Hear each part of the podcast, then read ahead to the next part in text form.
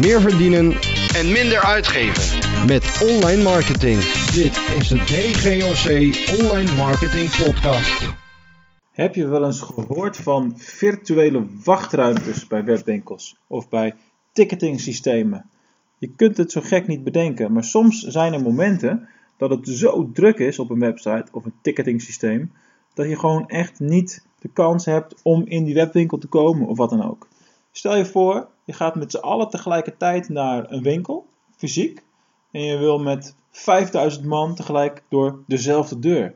Ja, dat gaat dus niet.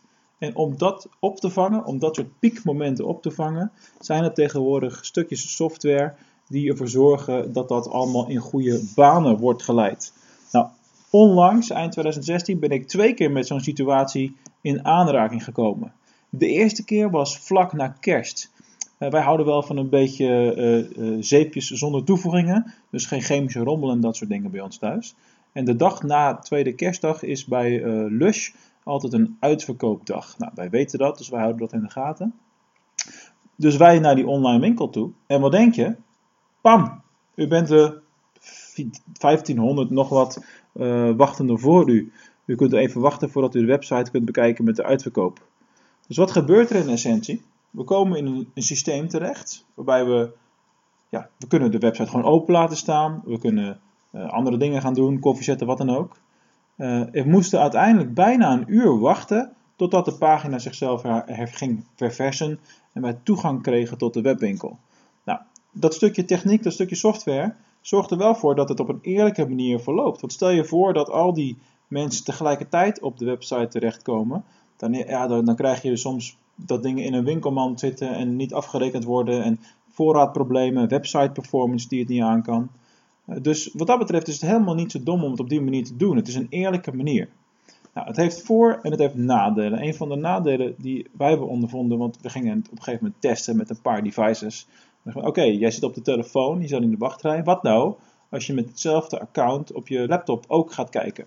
Nou, dan begint de teller gewoon opnieuw. Dus het is wel per apparaat. Het werkt nog niet uh, multi-device. Dus dat is wel een ding. Hè, natuurlijk heb je ook wel de vraag van, joh, is dit wel echt of is het gewoon een onwijs goede marketingtruc? Maar goed, dat bleek al snel dat het wel gewoon legitiem is en dat het echte software was. Want wat schetste onze verbazing op het moment dat we eindelijk toegang hadden tot die uitverkoop? Alles uitverkocht. 60 producten op de website. Er was er nog, geloof ik, eentje of zo die, uh, waarbij iets leverbaar was. Dus het was echt wel zo populair en zo ongelooflijk druk. Kortom, is het, wel, uh, uh, is het wel een geslaagd experiment in dit geval voor Lush. Je zou kunnen beargumenteren dat ze het niet aankonden, dat het misschien wel te druk was. Uh, als je ging kijken die dagen op de Facebookpagina van, van het merk, dan zag je ook dat heel veel mensen bepaald niet blij waren dat ze in een digitale wachtrij terechtkwamen. en dat ze ja, dan na wachten dan uh, uiteindelijk ook nog eens niks konden kopen met veel korting. Want dat is natuurlijk waar het om gaat dan, zeker bij ons Nederlanders. En sommige andere mensen waren juist weer heel erg blij. En uh, ja, die hebben alles kunnen krijgen wat ze, wat ze wilden hebben. Uh, dus het is altijd een beetje een loterij zoiets. Je zult altijd hebben dat er mensen teleurgesteld zijn en, ja, en mensen er wel goed doorheen komen. Ik denk persoonlijk dat, dat zo'n systeem heel erg goed is omdat je daarmee voorkomt dat een website het niet doet. Dat stel iemand aan het winkelen is en hij, en hij knalt er ineens uit omdat er te veel mensen tegelijkertijd iets willen. Dat is nog veel erger. Dus in die zin uh, vind ik het eigenlijk wel een goede techniek. Um, tweede voorbeeld wat ik voor jullie heb, dat is een paar dagen later. Toen werd er op de radio, uh, old school radio, werd op het journaal aangekondigd na het overlijden van George Michael, dat uh, Paradiso een, een tributeconcert ging organiseren. Uh, 16 januari uh, vindt dat plaats. Nou, hartstikke leuk natuurlijk, maar wat bleek, die toegangskaarten waren gratis. En een uur voordat de voorverkoop begon, was het op de radio. Dus je kunt wel raden wat er gebeurt. Je komt op een gegeven moment op het ticketing systeem terecht bij uh, Ticketmaster. En iedereen komt daar tegelijkertijd op binnen. En er was op dat moment geen wachtruimte situatie. Of hij werkte niet, of wat dan ook. Maar er waren te veel mensen tegelijkertijd die een ticket probeerden te kopen. Later bleek ook dat binnen één minuut alle tickets weg waren. Dat is natuurlijk heel extreem.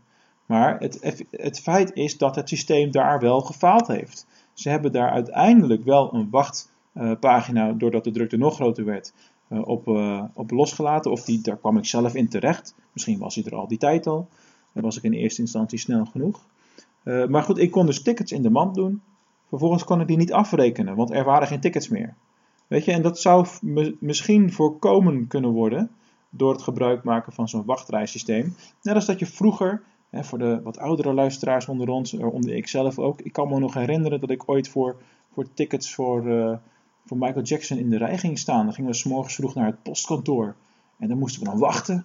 En dan met slaapzakken en, en, uh, warme drank. En heel veel andere fans. En dat was dan gezellig. En ja, dit heb je dan natuurlijk online niet. Maar nu binnen één minuut zijn alle tickets weg van een event. Uh, dus er is nog een hoop in te verbeteren, er is nog een hoop in te doen. Maar feit blijft dat virtuele wachtruimtes uh, een ding zijn die wel uh, een bepaalde functie hebben en die bruikbaar zijn. Dus um, ja, ik zeg niet, als het bij druk is, ga je ook met virtuele wachtruimtes aan de slag. Hè, dat, dat is natuurlijk eerder wishful thinking als dat het realiteit is. Maar ja, wees ervan bewust dat het bestaat, wat het kan.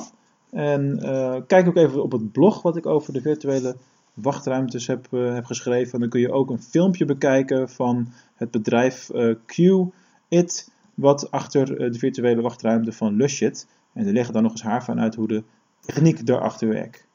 En dat was hem voor vandaag. En ik hoor jullie, zie jullie, spreek jullie de volgende keer weer.